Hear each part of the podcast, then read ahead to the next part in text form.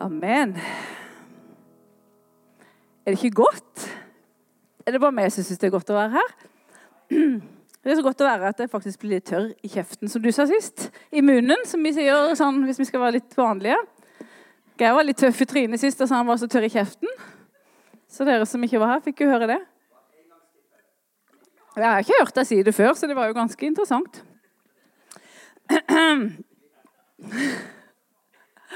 Ja vel. Hei sann. Jeg har sunget og bedt sånn at jeg nesten mista stemmen. Fantastisk! Hæ? Åh, det er nydelig. Ja, det fortjener en applaus.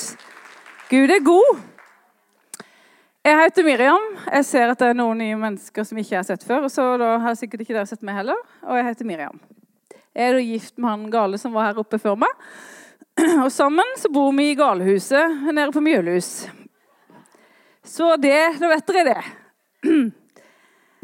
OK, dere er dere klare? Dette her eh, har ligget i meg nå eh, en liten stund. Og når jeg sier det har lagt i meg, så har det virkelig lagt på meg òg. For det, det her har jeg kjent i hele kroppen siden iallfall fredag. Så da tenker jeg at da er det kanskje noe Gud vil si. Eh, og jeg, jeg har kjent at jeg skal utfordre oss litt i ettermiddag. Altså For noen kan dette røske litt. Litt i de religiøse kroppsdelene dine. Indre og ytre. Det kan til og med bli litt ubehagelig for noen. Gleder du deg nå? Spenn setebeltet og hold deg fast. Nei da. Iallfall så syns jeg det, da. Jeg syns at det kan røske litt. Men hvis du har lest samme bibel som jeg har gjort, så vet du at det står ganske mye i den bibelen som er litt ubehagelig for oss mennesker av og til. Er det noen som har oppdaga det? Ja. Det står noen vers som du alltid bare har lyst til å bla videre. Finner noe som er litt gøyere, litt mer oppmuntrende, for det her var litt Det traff litt. Ja, det hender seg. Det står altså ganske mye i Bibelen som gjør litt vondt i kjøttet. Rett og slett, for å si det sånn. Eh, og det som er, jo at Guds ord er jo sannhet. da. Så fordi om det gjør litt vondt, så er det, så er det fortsatt sant. Og Selv om vi ikke skulle ønske at det sto der, så står det der, og så er det fortsatt sant. Og sannheter som vi ikke skulle ønske at sto der, det betyr at det er noe som kreves litt av oss. i. Og hvis jeg sier det ordet 'kreve', da er det mange som kjenner at de nesten får en allergisk reaksjon. Mamma? Hæ? Ja? Mm. ja, det har vært sånn. Ja, men vi kjenner oss igjen. Vi, ønsker, vi, mennesker ønsker jo ikke at ting skal være ubehagelig. Geir, liker du å trene? Helt ærlig. Ja. For det er ubehagelig. Skjønner du? Det er jo vondt. Det blir jo støl. Hvis du går ned og trener i Forlandia nå, litt tungt, så kan du ikke gå den neste dagen. Det har du ikke lyst til, så da lar du være. ikke sant? Det er oss mennesker. Vi lar det være. Nå skal du få igjen for alle gangene du driver og henger med ut. Så. Gled dere. Nei da. Jeg har mye å ta igjen! Ja, det er greit. Det er vi gode på. Vi mennesker liker når det føles godt. Hæ? Åh, det er nydelig. Gode følelser. Yes. Dere, for nesten to år siden Nei, så Det er jo faktisk om en uke så er det bare to år siden. Så stengte Norge ned, og covid i Norge var et faktum. Og vi fikk kjenne det på kroppen alle sammen. 2020, mars. Eh, i, eh, jeg tror det var i april. Eh, så fikk jeg et bilde som jeg har blitt minnet på flere ganger. og Det skal jeg bare dele litt kjapt for de av dere som ikke har hørt det. Det bildet var rett og slett eh, Jeg så helt tydelig eh, våpenhus i kirka. Alle har vært inne i statskirka, enten her eller andre steder. I en, alle norske kirker så er det våpenhus. Det er det første du kommer inn i. Og våpenhuset der, eh, Hvorfor det heter våpenhus? Jo, det er fordi at eh, fra mange år tilbake når folk gikk med våpen, så måtte de sette fra seg våpnene der. For du kunne ikke gå inn i kirkerommet, i det hellige rommet, med våpen. Så våpenhuset. Eh, I det våpenhuset så, så jeg bilde av en brud eh, som sto og venta på at dørene skal gå opp, og hun skal inn og gifte seg. Og Dette bildet har jeg delt før, så noen av dere får bare lukke ørene og høre bare sånn overfladisk. Men denne bruden eh, Det var folk som gikk rundt henne og stelte og fiksa og gjorde henne i stand. Og bruden sto der bare helt rolig. Og det siste som kom på, var jo denne her flotte krona som kom på. Den var så vakker, husker jeg. Um, og så så akkurat som at når dørene gikk opp Og det der rushet som kom i forsamlingen når bruden gikk inn Og alle ble helt målløse. Og, ver og verden fikk se bruden. Og bruden er jo et bilde på Guds menighet, ikke sant? Så det som var med dette bildet, var at eh, jeg følte at Gud han ønska å sette oss i stand. Forberede oss på det som kommer. At vi skal gå ut. Når dørene åpnes, så kommer bruden ut. Og så kan alle se. Så det var litt den uh, bildet. Det er litt sånn Jeg uh, kommer tilbake til det. Men litt det her med at bruden nå holder på å bli klargjort. Uh, og vi venter jo på et bryllup som skal stå, ikke sant? Så.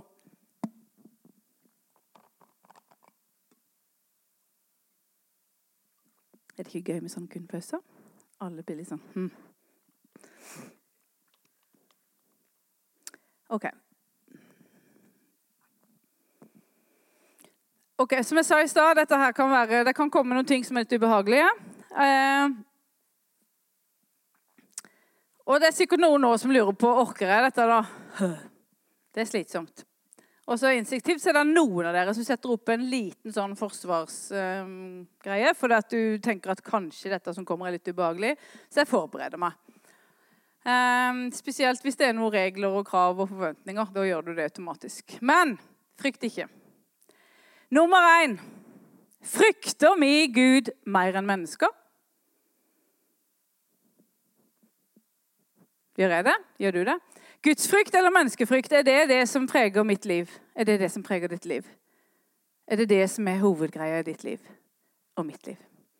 Jeg skal lese noen bibelvers, for Bibelen sier ganske mye om de tinga. I Lukas 12, 4, så står det Jeg sier dere, mine venner, vær ikke redd for de som dreper kroppen og deretter ikke kan gjøre noe mer. Det er mennesker. Jeg skal vise dere hvem dere skal frykte. Frykt for Han som etter å ha slått i hjel, har makt til å kaste i helvete. Ja, jeg sier dere, han skal dere frykte. Å ja, det var sterkt, hæ?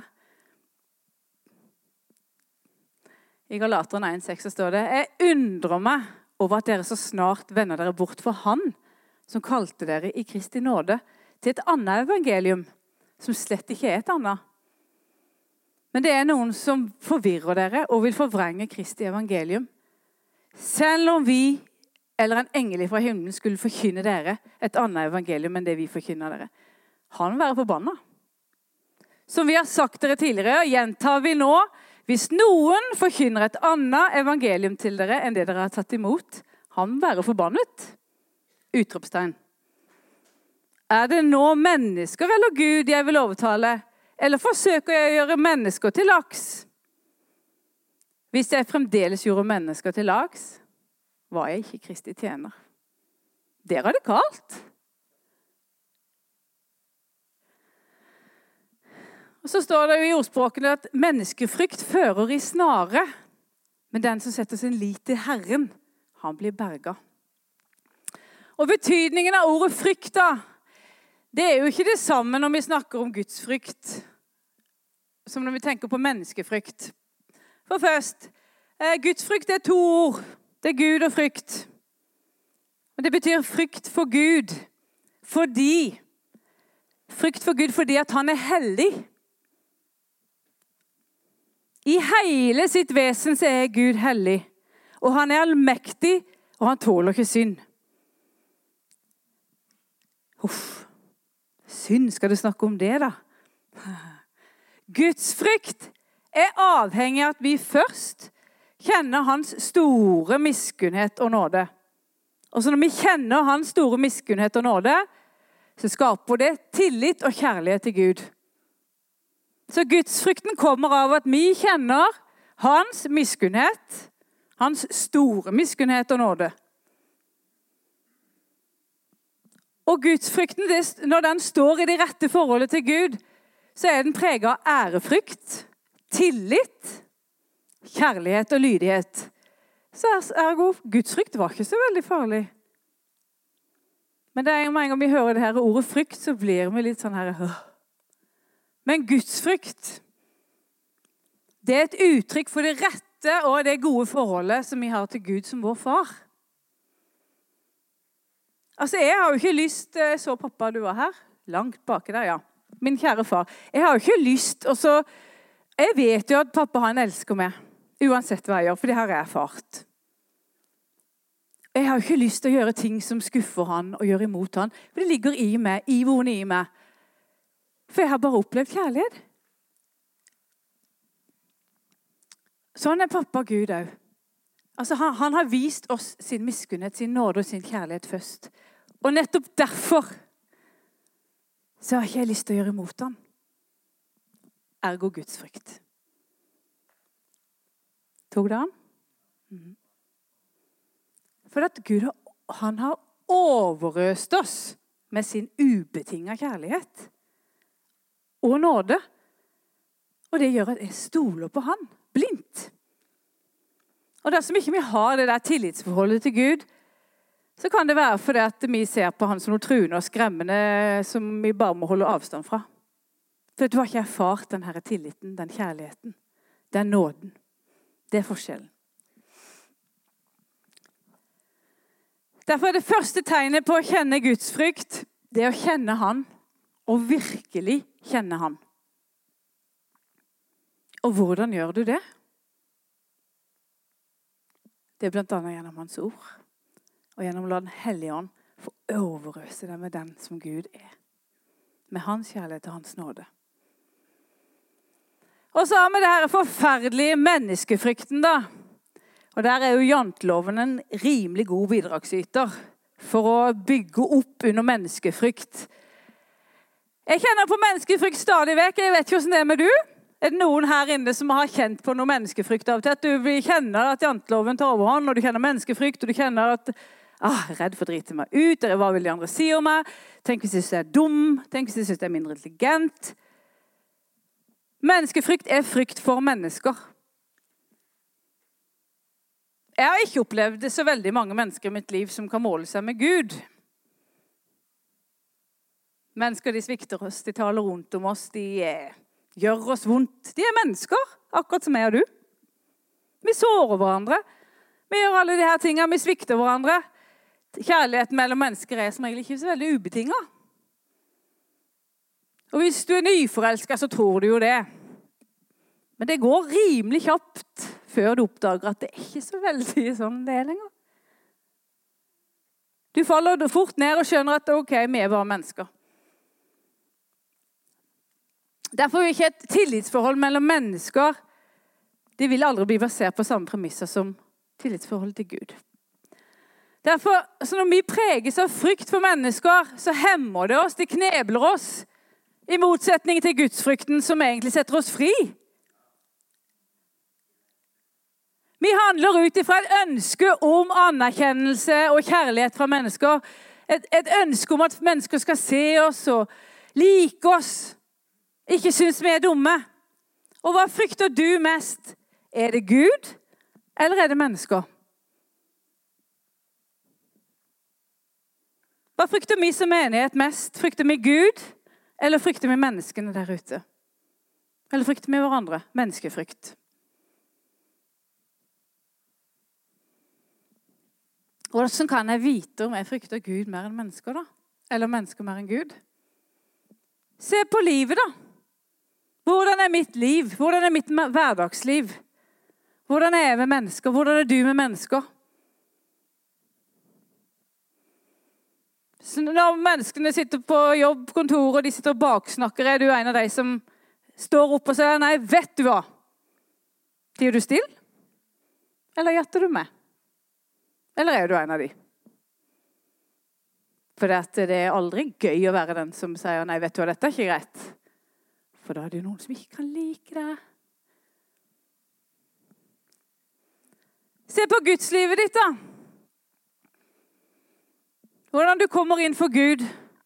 Hvordan du tilber han, hvordan du lever sammen med han. Er du lydig når han i hjertet sier Du kjenner egentlig du skal be for en som er syk. da. En kollega som sier han er syk.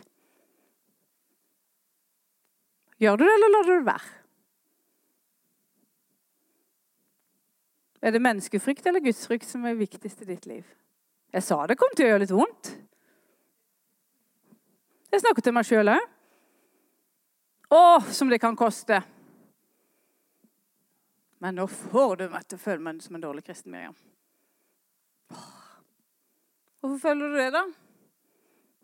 Hva er det som får frem de her følelsene i deg? Er det vondt å høre sannheten? Er det vondt å høre? Guds ord er sannhet. Det gjør vondt av og til. Guds ord er tydelig. Jeg vet ikke, eh, Noen som har tenkt at Guds ord kanskje ikke er for veldig sarte sjeler? i en første stein, altså De som er lett for å føle seg litt krenka eller litt sånn skjør. Guds ord er ganske radikalt. Guds ord er ganske tydelig. Så de som er litt sarte, de får la være å lese de ubehagelige delene da, av Guds ord. Det handler rett og slett, Har du forstått hva Guds nåde og Guds kjærlighet, så er det helt greit å lese det som gjør vondt. For du vet at det er jammen meg bare nåde alt sammen. Og det er for at Gud elsker oss først. Så dette er ikke noe fordømmelse. Det bare viser vet du, Vi har ikke fortjent det, noen av oss. Det handler ikke om meg, det handler ikke om det. Det handler om Gud.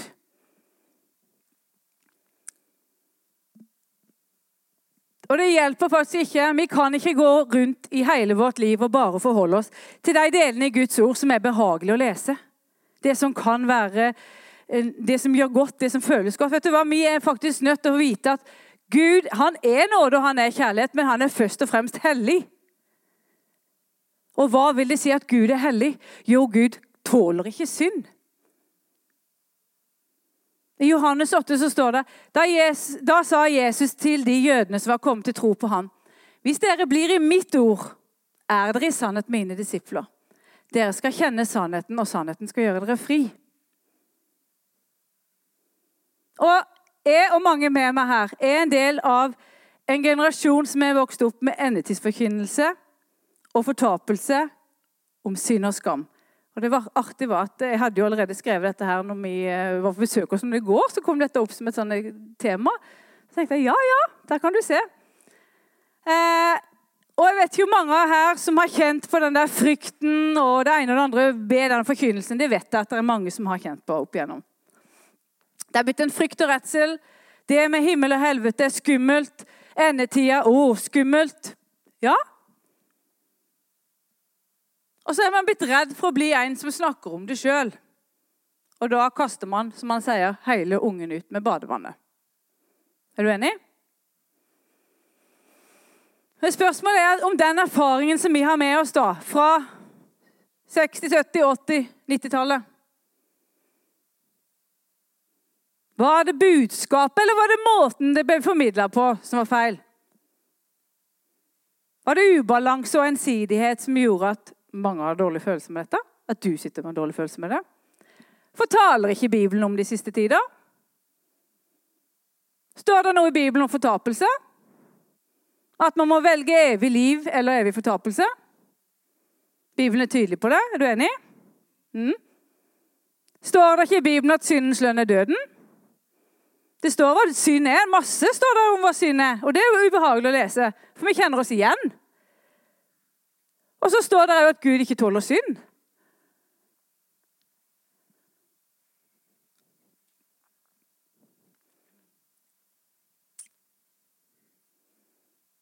Bibelen er radikalt ærlig og ubehagelig for oss mennesker med tanke på hvordan vi skal leve overfor hverandre og overfor Gud. Kan det utløse skam? Absolutt. Er det farlig? Nei. For kanskje skammen kan gjøre at vi drives til omvendelse. Men ikke bli i skammen. Det er forskjellen. Hva gjør du når du kjenner at du Shit! Ah, nå gikk jeg på trynet. Nå bomma jeg. Skal du bli der nede i saula, eller skal du reise deg fordi at du har nåde over nåde? Hæ? Det er forskjellen. Vi blir ikke i skammen. men den gjør at vi omvender oss. For av og til så går vi litt ut av kurs. Av og til så tar vi noen feile steg. Vi tar noen omveier. Men så snur vi oss, og så begynner vi å gå riktig retning igjen etterpå. Det er jo det det handler om. Og trenger vi å omvende oss, da? Jeg er jo frelst. Jeg trenger vel ikke det. Jeg trenger å omvende meg. Skal vi la være å snakke om hele Guds ord fordi at mennesker kan se rart på oss? Eller vi er redde for at mennesker skal bli støtt? Nei. Når vi taler sannhet i kjærlighet Hørte du det? Sannhet i kjærlighet. Kan det da bli feil, egentlig? Nei. Gud er hellig, sa jeg. Gud er hellig. Hva vil det si at Gud er hellig? I Hebreerne 12 så står det Rett derfor opp de slappe hender og de svake knær. La deres føtter gå på rette veier, så det halte ikke vris av ledd, men heller blir helbreda. Jag etter fred med alle og etter helliggjørelse. For uten helliggjørelse skal ingen se Herren. Se til at ikke noen forspiller Guds nåde. La ingen bitter rot få vokse og volde skade, så mange blir smitta av den. Se til at ikke noen er utuktig eller verslig som Esau, han som solgte sin førstefødselsrett for et eneste måltid mat. Altså, det her er jo radikalt. Dette er jo tydelig. Guds ord er jo tydelig. I 1. Korinterne 7 så står det når vi så har disse løftene, mine kjære, så la oss rense oss ifra all uredhet på kjøtt og ånd og fullende vår helliggjørelse i Guds frykt. Og Når Bibelen snakker om helliggjørelse, så handler det om at Gud er hellig. Fordi at Gud er hellig og ikke tåler synd, så sendte han Jesus, som gjorde det mulig for oss å komme til han igjennom nåden, igjennom Jesus. Og Guds vilje er at vi skal helliggjøres. I de fleste bibelverser i Bibelen, for jeg har lest ganske mange av de som handler om helliggjørelse og Guds hellighet, så står det også om at syndens lønn er på en eller annen måte døden. Det står om synd og at synden så lett kommer i veien for helliggjørelsen. Det går igjen her. Så det må jo være noe i det, da. Det står over 1000 ganger om helliggjørelse.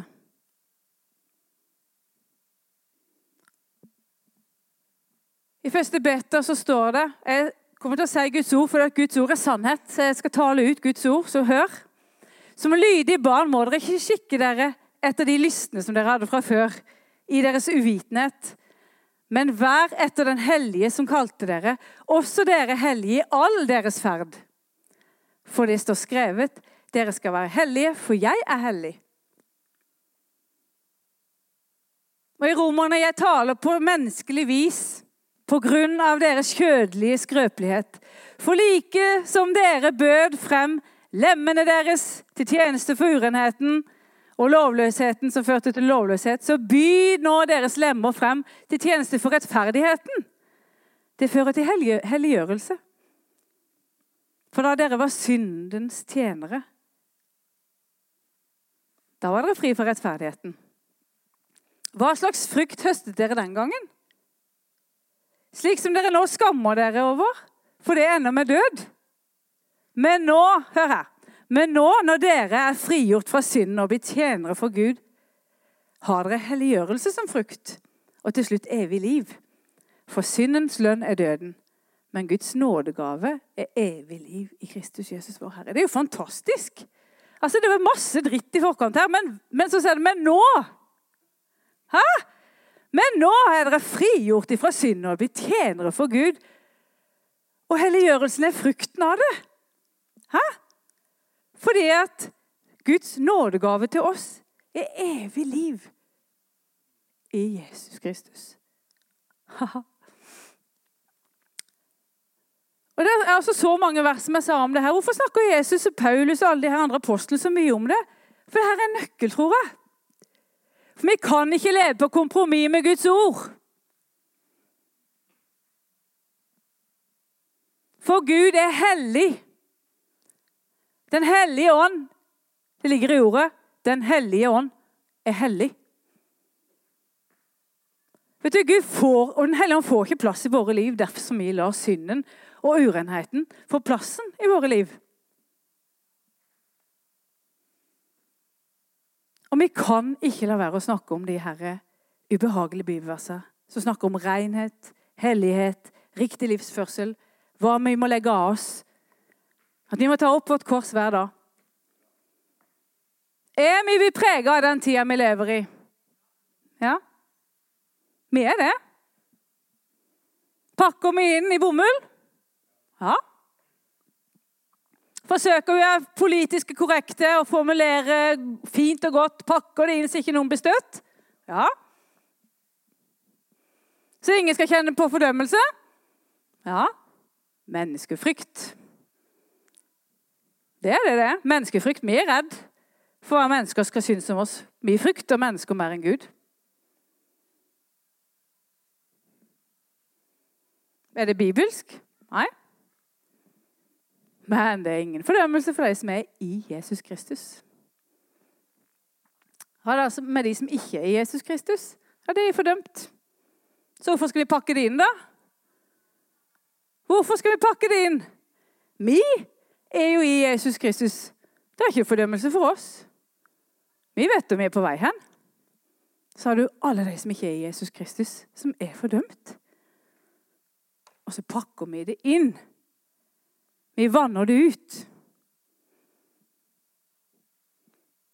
Det er masse masse mennesker på vei til helvete, og så er vi mer opptatt av innpakninga.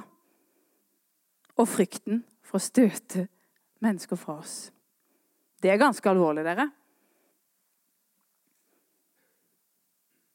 Og jeg taler til meg sjøl. Det er bare én vei til Gud, og det er gjennom Jesus. Gjennom nåden, kjærligheten og omvendelsen. Og for å vite hva han skal omvende seg fra, så må jo sannheten sies. For sannheten setter fri. Guds ord er vår rettesnor. Vi trenger ikke å trekke fra eller legge til. Og Hvis vi drives av menneskefrykt mer enn gudsfrykt, så risikerer vi å vanne ut evangeliet. Og evangeliet som en frelse for den som tror. Vi må fortelle de som ikke tror, hva de skal tro. Det som Bibelen sier, og ikke det vi føler og kjenner, er behagelig. Og når ble det å fortelle sannheten galt, da? Hæ?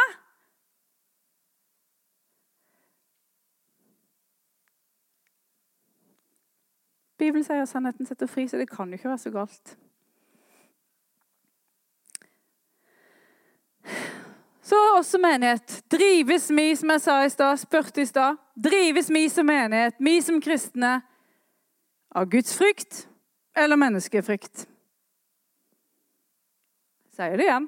Drives er av Guds frykt eller menneskefrykt i min hverdag.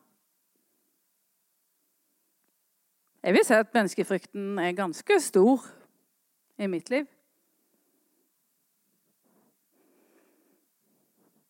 Selv om jeg nå heldigvis skapt sånn at jeg har litt lite hemninger fra naturens side. Men jeg lover deg, jeg har mye menneskefrykt for det om. Vi røsker i kjøttet av og til. Jeg kjenner Gud snakker til meg. Da frykter jeg plutselig mennesker mer enn Gud.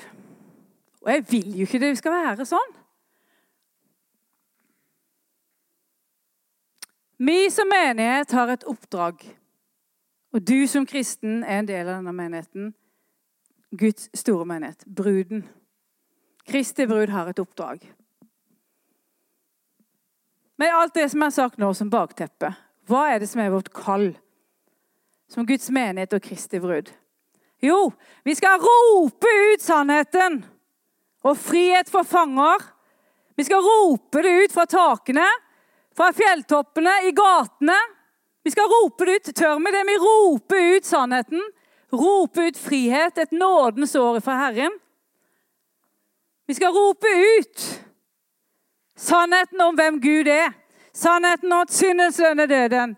Og at evig fortapelse venter på de som ikke vender om. Det er Guds ord. Vi skal rope ut Jesu navn.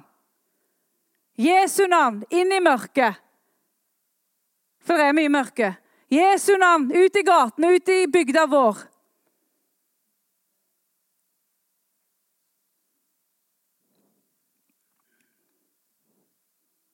La oss rope ut til menneskene rundt oss at sannheten om at i Jesu navn så er det frelse. Sannheten om at det er helbredelse, frihet ifra frykt, frihet ifra skam, frihet ifra sår og skade i hjertet. Det er fred i Jesu navn. Det er frihet ifra avhengighet i Jesu navn. Det er rettferdiggjørelse i Jesu navn. 1. Johannes 4, dere. Den fullkomne kjærligheten driver all frykten ut. Og det er på tide at menneskefrykten forsvinner fra vårt liv. At den kjærligheten til Gud, den derre fullkomne kjærligheten, får, altså den første kjærligheten får vekke oss opp igjen. Sånn at gudsfrykten blir så stor at menneskefrykten ikke lenger får lov å ha plass. Tiden er faktisk kommet dere for at Kristi bud reiser seg opp i det her våpenhuset, henter rustningen sin, våpnene sine, blir kledd i brudeskrudd. For vet du hva? Det nærmer seg. Og vi må være klar. Det er alvorlig, dere. Vi må være klar. Vi kan ikke holde på å vase rundt oss sjøl lenger. Å, vi skal frykte Gud mer enn mennesker. Og vi går ikke i egen kraft, halleluja. men vi er kledd i oppstandelseskraften, som reiste Jesus opp ifra det døde, i Guds fulle rustning, som vi kan stå imot på den onde dag. Hæ? Er det ikke fantastisk? Hørte du? Vi er ikledd Guds fulle rustning og oppstandelseskraften. Hæ? Så vi skal ikke gå i egen kraft. Det trenger du ikke tenke på engang. Det er tid for omvendelse, også for Guds folk. Vi reiser oss opp. Kom igjen og syng. Takk, Jesus.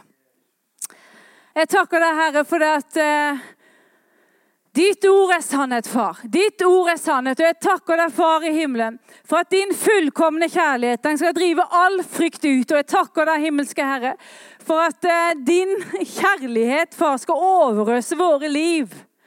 Far i himmelen, at, skal, at ditt ord sannhet skal peke på hva i våre liv vi trenger å omvende oss fra.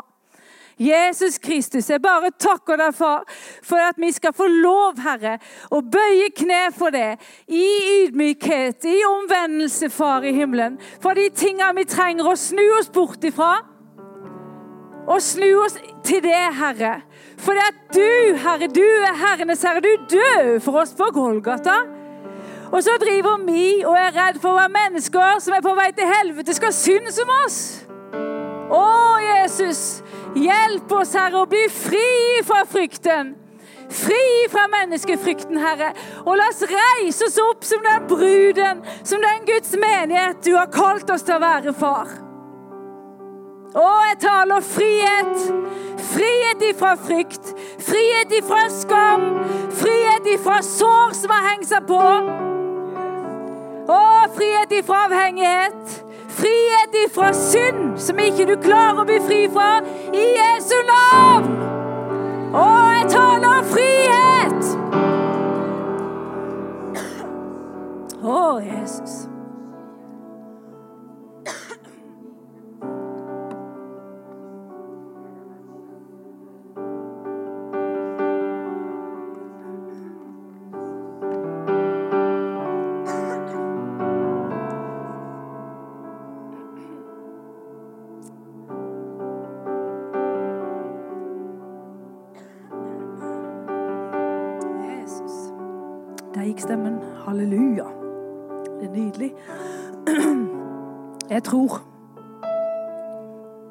Tror ikke det er sånn at den ene steinen her som er på plass. Det er ikke. Det krever en ydmyk handling. Vi må bøye hjertet vårt, dere. Har dere lyst? Er vi med i den tida som kommer? For det kommer en tid nå. Og vi må reise oss. Vil du være der? Å, med sverdet. Med Guds sannhet, med Guds ord, som setter fri. Hæ? Vet du hva? Av og til så tror jeg faktisk på det der med å vise. Både for himmelrommet for djevelen, fordi han har, ikke, han har ikke makt lenger. Så vi viser det for ham. Vet du hva? Her er Gud. Jeg vil. Så kom fram. Vis med en viljeshandling. Vet du hva, nå er det nok. Vi har en bestemmelse. Det er nok. Jeg snur meg vekk ifra menneskefrykten. Jeg snur meg vekk ifra sløvheten, ifra skammen, ifra alt drittet som har hengt seg på meg. Det er stopp. Det er nok nå. Djevelen får ikke lov å leke med meg mer. Jeg er ferdig med det.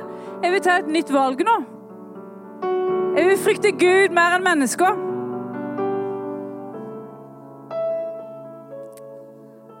Og så viser du det innenfor himlene. Og at vi reiser oss i Jesu navn. Så vi tilber Ham. Og jeg har lyst til å salve og be for deg. Så jeg Geir, vi kan salve og be for dere hvis dere vil. Og hvis du vil, så kommer du frem. Du stiller deg foran. Det betyr ingenting. Nå kan vi be for hverandre igjen. Det betyr ingenting om alle sammen. Men jeg, jeg vil at vi som menighet reiser oss. I Jesu navn.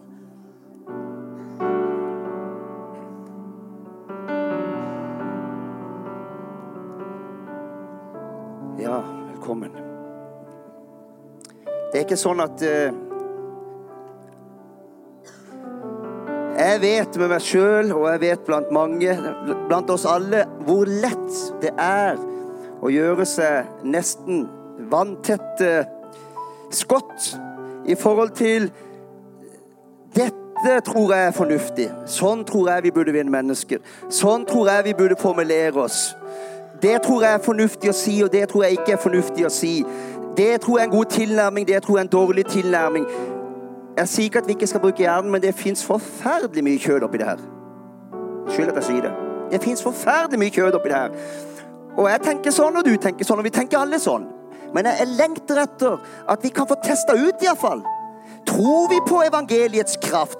Tror vi på at når vi forkynner som det står, at der ligger forløsning? Da vil mennesker bli frelst. Da vil de bli forløst. Da vil ting begynne å skje. Men du verden, vilst, vi står i et brytningspunkt hvor det vil koste så enormt å kjøre det, for vi stritter imot. Jeg kjenner Å, jeg trives ikke helt i den stilen som er nå. Jeg føler meg ukomfortabel. Jeg skulle ønske det var litt mildere. Jeg skulle ønske det ikke var så direkte. For det strider mot alt det du har lagt på. Lag på lag med fornuftstenkning. Men vi holdt på i årevis, venner med fornuftstenkning. Så jeg tenker, Vi har ikke så mye å tape. Vi er ikke mer enn 60-70-80 stykk jevnt over. Vi har ikke all verdens å tape. Men vi er redd for å miste mennesker. Jeg har en annen overbevisning. Tvert motsatt. Vi begynner å gå denne veien her og forkynner ordet. Paradoksalt så vil folk komme. For det var ikke det som vi trodde skulle skje med hjernen, kanskje. Så jeg håper dere vil henge på, venner. Amen. Nå ber vi oss salver.